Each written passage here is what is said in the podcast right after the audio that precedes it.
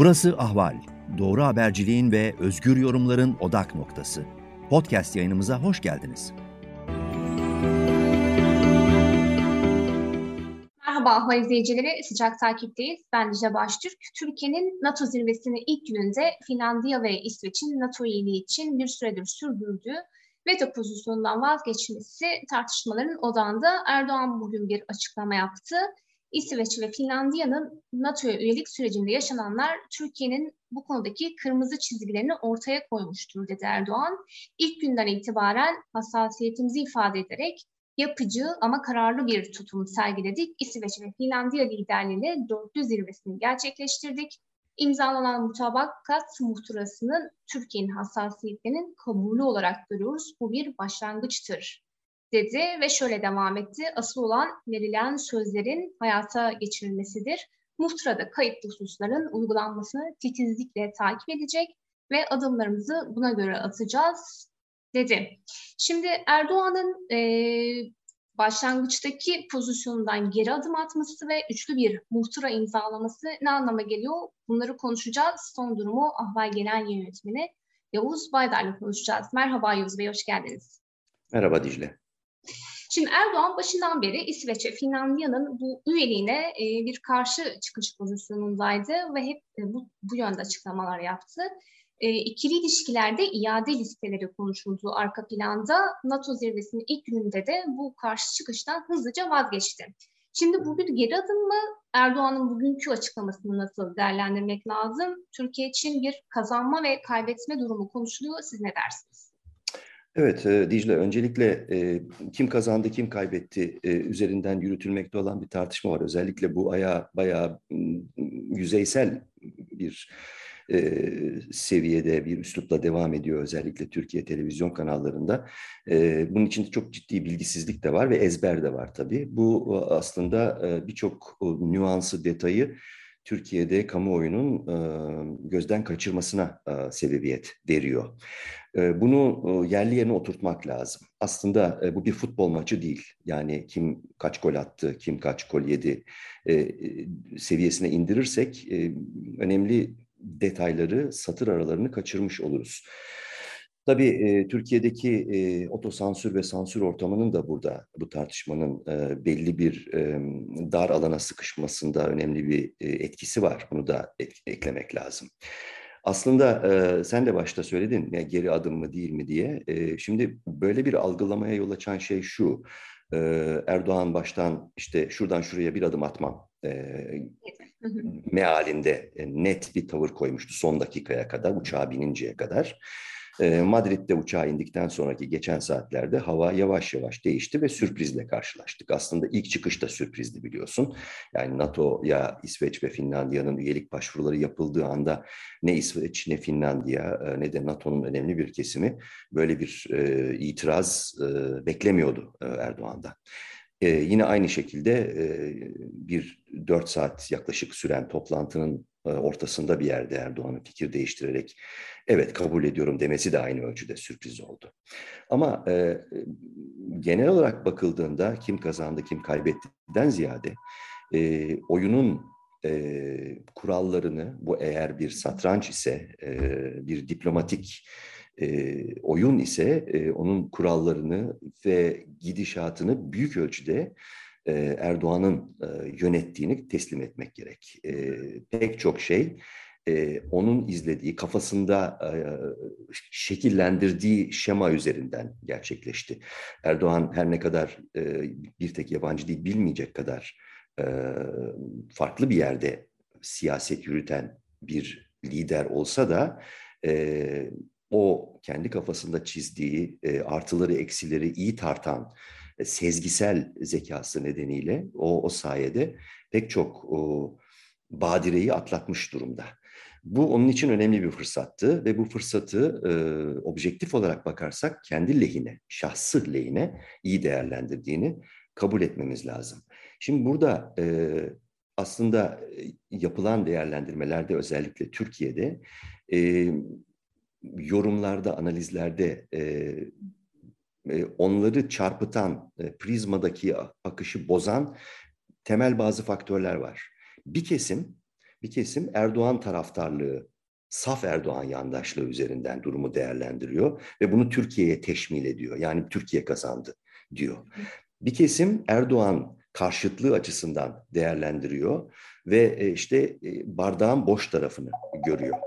Şimdi orada bardağın boş tarafını görenlerin yanı sıra bir de yani ikinci bir katmanda hem Türkiye içinde hem de İsveç'te görüyoruz bunu. Özellikle Türkiye'deki kesim yani analiz yapan kesim NATO karşıtlığı veya NATO yandaşlığı üzerinden kamplaşmış durumda. O da merceği etkileyen bir şey. Yani NATO'ya düpedüz karşıt olan ama muhalif olan bir takım e, e, televizyon kanallarındaki sunucular doğrudan doğruya NATO'ya bindirerek, yüklenerek e, bunun üzerinden analiz yapıyorlar. Bütün bunlar aslında objektif değerlendirmeleri çarpıtan, bulandıran e, pozisyonlar. Bütün bunların hepsinin gerisine çekilip bakmak lazım. Bunu yapan yok Türkiye'de maalesef çünkü iyice daralmış bir alandan söz ediyoruz. Şimdi öncelikle e, burada e, aslında ne oldu? Dediğim gibi Erdoğan yazılı güvence diye kendi algıladığı bir şey bekliyordu. Onu elde etmiş oldu. Ne olursa olsun o kağıdın üzerinde, o e, mutabakat muhtırası denilen ki mutabakat kağıdı üzerinde. İkincisi ve asıl önemlisi e, gözden kaçmaması gereken sonuçta İsveç ve Finlandiya e, ilk e, aşamaya geçmiş oldular. Yani şu anda fiilen NATO e, aday üyesi pozisyonundalar. NATO istediğini almış oldu. Yani esen zafer havası, kazandık havası yani iki üye daha elde ettik havası çok egemen e, NATO zirvesine, Madrid'deki zirveye. Dolayısıyla burada eğer kazanan birisinden söz edecek olursak bu öncelikli olarak NATO. Ama onun dışında işler bulanık. Yani e, NATO genişlemesi e, meselesi evet e, Türkiye'nin vetoyu kaldırmasıyla, daha doğrusu Erdoğan'ın vetoyu kaldırmasıyla e, bir anlamda e, bir e, bir nehir yatağına girmiş oldu ama ortada hala bir takım soru işaretleri var. Buna eklenen başka soru işaretleri var. Şimdi aslında mutabakat kağıdı, işte mutabakat kağıdı, muhtırası diye nitelendirilen memorandum kağıdı, şöyle dikkatlice bir bakıldığı vakit öyle Türkiye'de televizyonlarda tek sesli olarak iddia edilenlerin aksine detaylarda Türkiye'ye öyle çok fazla alan açan bir bir ifade bütünü değil. Genel ilkelerden söz ediliyor ve bu prensipler üzerinden aynen e, Finlandiya Cumhurbaşkanı Niinistö'nün de altını çizdiği gibi e, bir takım ilkeleri e, kağıda döküyor. Türkiye'nin beklentileri neydi? İşte silah ambargosunun İsveç tarafından kaldırılması. Finlandiya ile böyle bir bilgi olarak böyle bir sorun yok.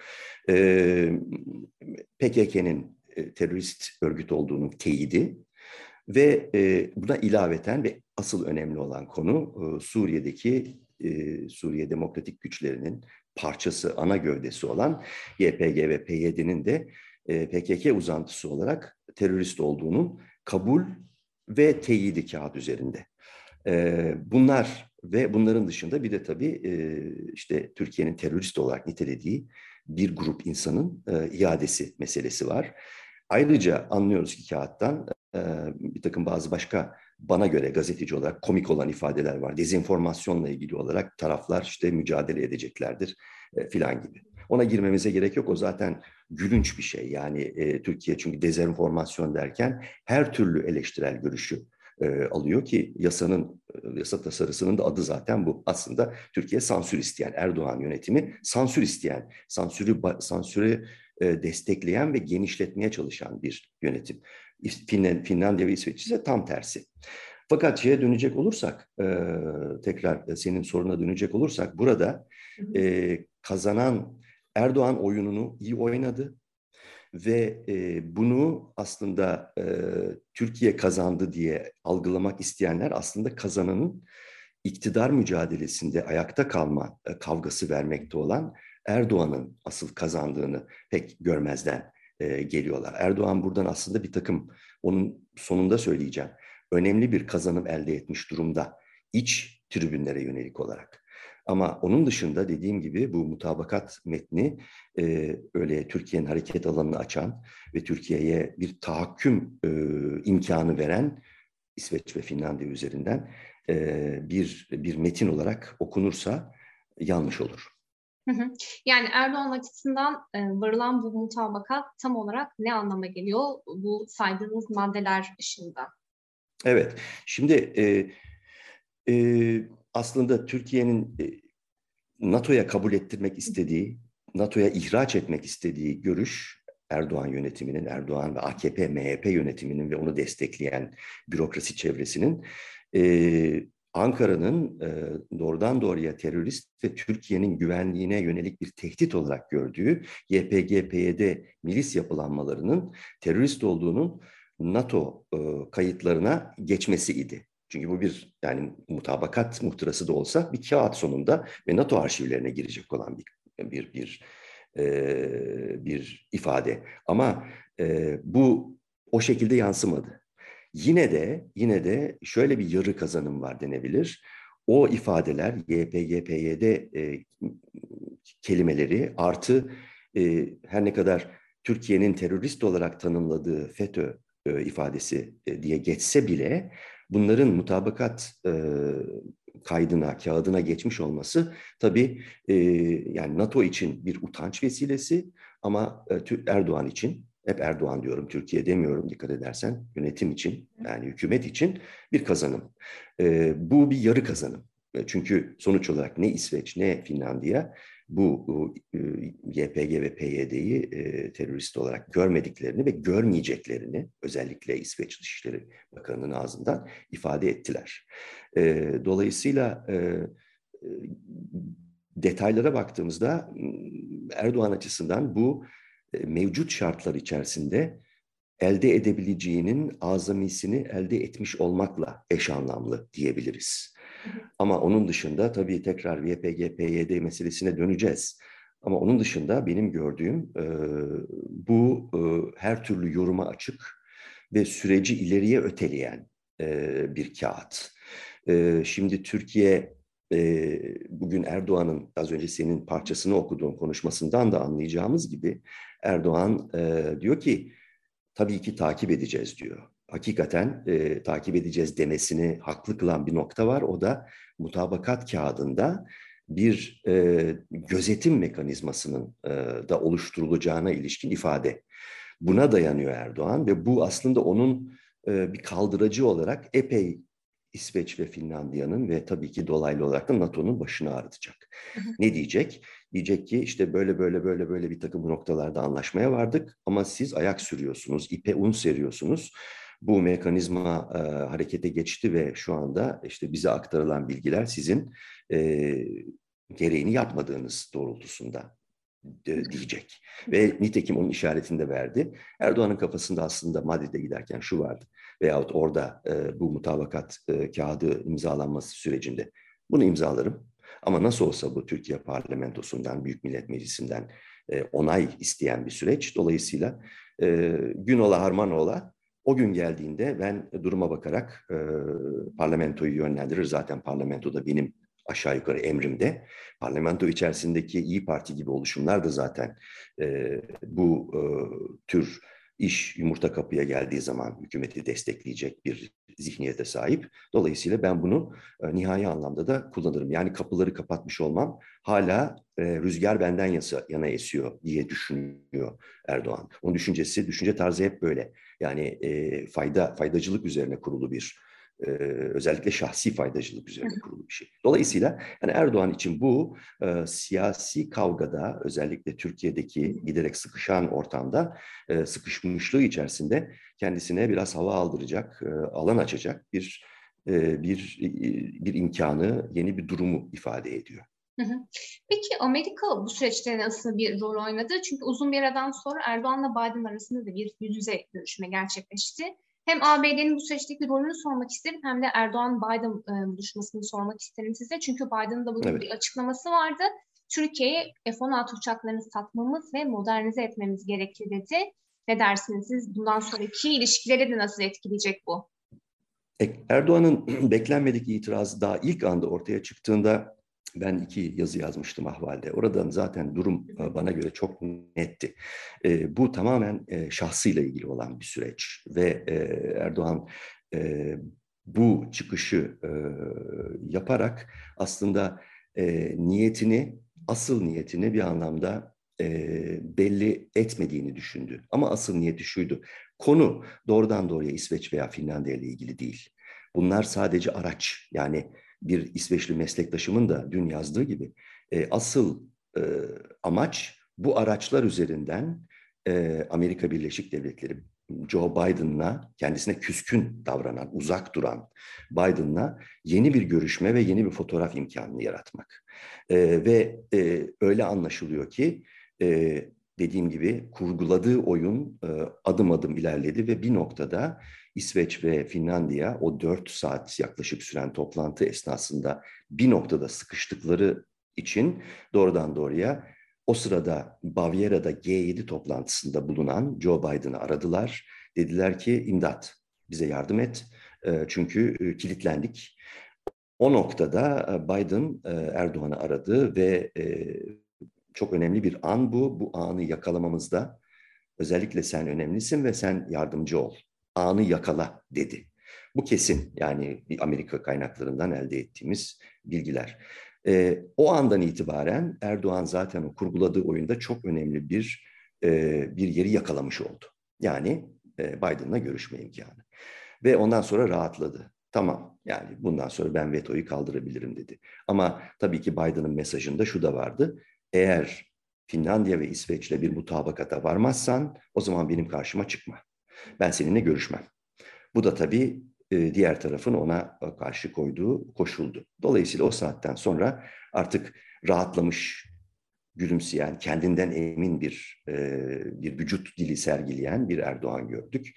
Rahat bir şekilde Biden'ın karşısında oturdu ve bir görüşme gerçekleşti. Ama görüşme notlarından elde ettiği bizim anladığımız kadarıyla yani Beyaz Saray tarafından gelen görüşme notlarında e, Ukrayna'dan tahıl e, akışının nasıl sağlanacağı, ve işte NATO'nun genişlemesi, güvenlik meseleleri, işte tebrikler gibi bir takım konuların gündeme geldiği, oysa kilit konulardan bir tanesi olan F-16'ların kayıtlara geçmediği görüş görülüyor. Dolayısıyla burada olsa olsa en fazla Erdoğan F-16'ların işte Türkiye'ye sevkiyatı konusunda ve bu silah sistemlerinin geliştirilmesi konusunda bir şeyler yapılması talebini Biden'a iletmiş olabilir. Biden bunu tabii doğrudan doğruya Aa, olur tabii diye yanıtlamadı. Çünkü elinde öyle bir imkan yok. Doğrudan doğruya kongreye kilitlenmiş durumda. Dolayısıyla Amerika Birleşik Devletleri açısından önemli olan, asıl önemli olan konu İsveç ve Finlandiya'nın önündeki kapalı kapıların açılmasıydı. Bu sağlanmış oldu. Amerika bu açıdan rahatladı, NATO genişliyor ve e, Amerika'yı rahatlatan ve Türkiye'de tartışmalarda gözden kaçan başka bir şey var. Pek çok e, kişi, yorumcu şunu söylüyor. E tabii şimdi parlamento Türkiye Büyük Millet Meclisi'ne e, reddederse İsveç ve Finlandiya'nın önünü keser. Evet, e, böyle bir ihtimal var ama Amerika'da tabii e, köklü bir e, diplomasi kültürüne ve geleneğine sahip bir ülke olarak F-16'ların eğer kabul görse dahi kongredeki buzlar erise dahi Türkiye'ye sevkiyatı meselesini e, elbette parlamentonun, Türkiye parlamentosunun e, İsveç ve Finlandiya'yı onaylaması şartına ve takvimine e, bağlamakta tereddüt etmez. Dolayısıyla orada Erdoğan e, oyunu belli bir noktaya kadar kontrol edebiliyor ama ondan sonrası meçhul. Eklenecek birkaç bir şey daha var. E, onları da ekleyeyim. Tabii. Şimdi e, İsveç boyutu önemli. İsveç'te e, işler karıştı. Çünkü iadeler ve e, e, oradaki e, işte Türkiye'nin terörist olarak gördüğü bir takım isimlerin başta Ragıp Sarakolu olmak üzere e, iade edilmesi meselesi İsveç'te çünkü güçlü bir e, muhalefet geleneği var. E, o muhalefet geleneğinin içerisinde bir kısmı NATO karşıtı olan hatta Sosyal Demokrat Parti içerisinde, iktidar partisi içerisinde dahi NATO karşıtı olan bir sol kanat var. E, eski Komünist Partisi var, Sol Parti dediğimiz. E, Çevre Partisi var. Bunlar NATO'ya karşılar. Bir de 100-150 bin kadar e, özellikle çoğu Türkiye'den gelme e, Kürt göçmenler var ve mülteciler var. Onlar yerleşik, ikinci, üçüncü kuşak.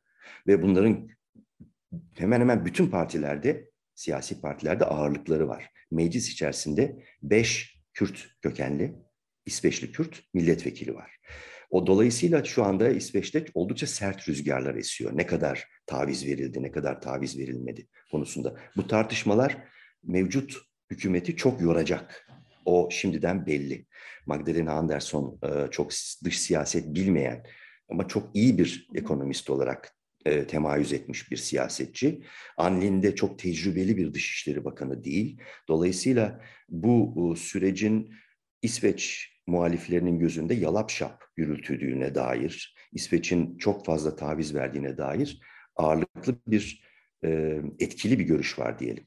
Dolayısıyla orada e, e, deprem, sarsıntılar, zelzele devam edecek gibi görünüyor. Fakat e, tabii ki e, yargı, daha doğrusu güçler ayrılığının çok köklü olduğu İsveç'te de Finlandiya'da da bu iadeler konusunda iki ülkenin e, hükümetlerinin siyasi bir karar alması iadeler konusunda mümkün değil.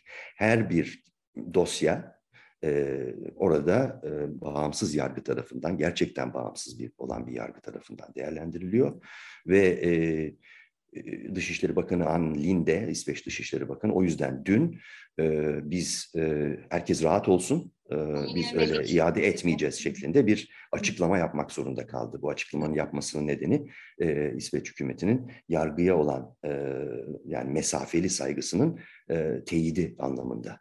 Ama ne olursa olsun büyük bir tedirginlik var. E, Sosyal Demokrat Parti'nin ve Sol Parti'nin geleneksel seçmeni olan Kürtler Sosyal Demokrat Parti'den oylarını çekme tehdidinde bulunuyorlar. Örgütleri, federasyonları aracılığıyla. İşin bu boyutunu da unutmamak lazım. Ee, gelelim son olarak yani asıl kilit soruya. Erdoğan buradan başta ne dedim? Önemli bir kazanım elde etti dedim. O da şu. E, her ne kadar Türkiye'de e, Erdoğan karşıtı kesim, muhalif kesim efendim işte e, bu Türkiye'de seçmene bir şey anlatmaz, etkilemez ee, ne olacak yani zaten herkesin midesi bomboş, cepleri bomboş. Ee, sokakta evine e, bırakalım et, balık, süt bile, ekmek bile götüremeyen bir seçmen açısından İsveç, NATO, Finlandiya NATO'ya girmiş girmemiş ne fark eder? Erdoğan buradan başarı elde etmiş ne fark eder? Diyor ise de e, aslında e, önemli olan bu mutabakat e, metninin, varılan bu anlaşmanın genel olarak Erdoğan'a bir açık çek verdiğidir. O açık çek nedir? O açık çek e, genel olarak e, özellikle Kürtlere karşı, Kürt siyasi hareketine karşı gerek Türkiye içinde HDP başta olmak üzere ve Suriye'de e, sert hamlelere, e, tevkifat, e, gözaltına alma, parti kapatma tehdidi, e, YPG, PYD'ye, işte Suriye'ye girme e, tehdidi, bütün bunlara karşı e, geleneksel olarak e, sert çıkan İsveç ve Finlandiya'nın elinden, özellikle İsveç'in elinden bu kartı, e, bu e, gücü almış durumda Erdoğan. Yani bundan sonra eğer e, herhangi bir şekilde önümüzdeki günlerde bir e, kapsamlı Suriye harekatı olur da bu harekat PYD, YPG'yi hedef alırsa ve Suriye Kürtlerinin geleneksel yerleşim yerlerini hedef alırsa o zaman e, İsveç hükümetinden e, bırakalım NATO'yu e, İsveç hükümetinden ve diğer e, Avrupa NATO üyesi Avrupa ülkelerinden çok ciddi bir e, tepki e, beklememek gerekir. Erdoğan bunu kazandığını düşünüyor ve bunda haklı olduğunu zannediyorum. Çünkü bu bir açık çek. Öyle algılıyor çünkü Erdoğan elde ettiği kazanımları daima yapabileceği şimdiye kadar yapmış olduğu her şeyi daha da ötesine götürerek götür, götürecek şekilde yapabilir, yapabilme imkanını elde ettiğini, alan genişlettiğini düşünüyor ve bu alanı doya doya kullanıyor. Dolayısıyla bu şu demek yani Türkiye'de bu açık çek e, bundan sonra e, en önemli çıkarım bence bu, bu varılan e, uzlaşmadan. Erdoğan'ın ve ortağı Bahçeli'nin Türkiye'deki e, üçüncü parti, yani parlamentodaki üçüncü büyük seçilmiş güç olan HDP ve genel olarak e, yerel anlamda e, Kürt muhalefetine karşı baskıları alabildiğine hiçbir engel tanımadan e, arttırması demek. Ayrıca bu yine e, YPG ve PYD'nin yerleşik olduğu bölgelere e, Suriye Harekatı'nın her zaman imkan dahilinde olması demek. Maalesef burada e, bu uzlaşmaya ön ayak olan NATO yöneticilerinin ve diğer NATO üyelerinin gözden kaçırdığı çok önemli bir e, nüans var. Bu da Türkiye'de tabii geleneksel olarak o tek sesli konuşan yorumculardan e, pek duyulan bir şey değil. Çünkü onlara göre rejim yani Ankara ne diyorsa Ankara YPG ve PYD işte bu yapı terörist diyorsa o teröristtir. Ezberi çok yaygın. Halbuki e, esas olarak e, ne İsveç ne Finlandiya YPG PYD'ye askeri yardım yapmış değil. Ayrıca yine tabii objektif olarak gazetecilik yapmak e, durumunda olanların hemen hemen hiçbiri acaba son 5-6 yıldır Suriye'den Türkiye'ye silahlı bir e, ve sistematik bir saldırı silsilesi var mıydı? Türkiye'nin güvenliğine, toprak bütünlüğüne yönelik olarak e, diye sormuyor. Bu sorunun cevabı hayır çünkü. Bir ya da iki çok küçük e, yani birkaç merminin Türkiye topraklarına düşmesi dışında Türkiye sınırı içerisine herhangi bir tehdit, açık ve yakın tehlike ifade edecek şekilde yok. Ama yine bütün bunların ötesinde asıl mesele NATO'nun gözden kaçırdığı nüans şu. Kürt milisinin yani YPG, PYD'nin kontrol ettiği bölgelerde sayısı 70 ila 80 bin olan e, IŞİD mahkumları ve onların aileleri var. IŞİD mahkumları e, Suriye Kürtlerinin, Kürt milisinin kontrolü altındaki hapishanelerde ve aileleri de kamplarda tutuluyor. Bütün işbirliğinin, Batı ile Batı koalisyonuyla işbirliğinin aslında ana gövdesi bu. Yani onlar muhafız, gardiyan görevi görüyorlar. Ve bu aslında oradaki o yapı, o e, yani bir ara biliyorsun ayaklanma falan oldu o, hapishanelerde. Aslında bu sadece e, Batı'nın e, meşru güvenlik kaygılarını temelini oluşturan bir şey değil. Aynı zamanda Türkiye'nin istikrarına ve güvenliğine yönelik olan bir bir potansiyel tehdit. Kimse bunu konuşmuyor. Şimdi e, diyelim ki e, Türkiye girdi Suriye'ye ve e, bir e, Kürt hareketine karşı orada milislere karşı bir harekat başlattı. Bir bu harekat etnik temizliğe kadar bile gidebilir duruma göre, konjonktüre göre. O zaman PYD ve SDF biz tehdit altındayız, e, geri çekiliyoruz ve bu artık bu kamplara ve e, hapishanelere e, muhafızlık edemeyeceğiz. Açıyoruz bunları. Böyle bırakıyoruz deseler. Ve bu yaklaşık 50 bin kadar e, işitli. Yandım Allah diye bu hapishanelerden kaçarak bir kısmı Türkiye sınırlarından içeri girerse ne olacak? Yani burada bir kavram kargaşası var. Türkiye e, kendi benim güvenlik endişelerim diye e, ortaya bir şey koydu, bir, bir konsept koydu. Ama o konsept e, bu hengame içerisinde NATO tarafından ya bilerek ya da bilmeyerek gözden kaçırıldı. Yani e, ortada e, kapanmamış birçok soru işaret, cevaplanmamış birçok soru işareti var ve e, genel olarak bakıldığında işte bu mutabakat kağıdı, e, işte o kazandı, bu kaybettiğinin ötesinde e, pek çok böyle loş, karanlık kalmış durumu aydınlatmamızı ve onlara sürekli olarak bakmamızı gerektiriyor. Peki, gelişmeleri yakından takip edeceğiz. Teşekkür ediyorum Yavuz Baydar. Ben teşekkür ederim.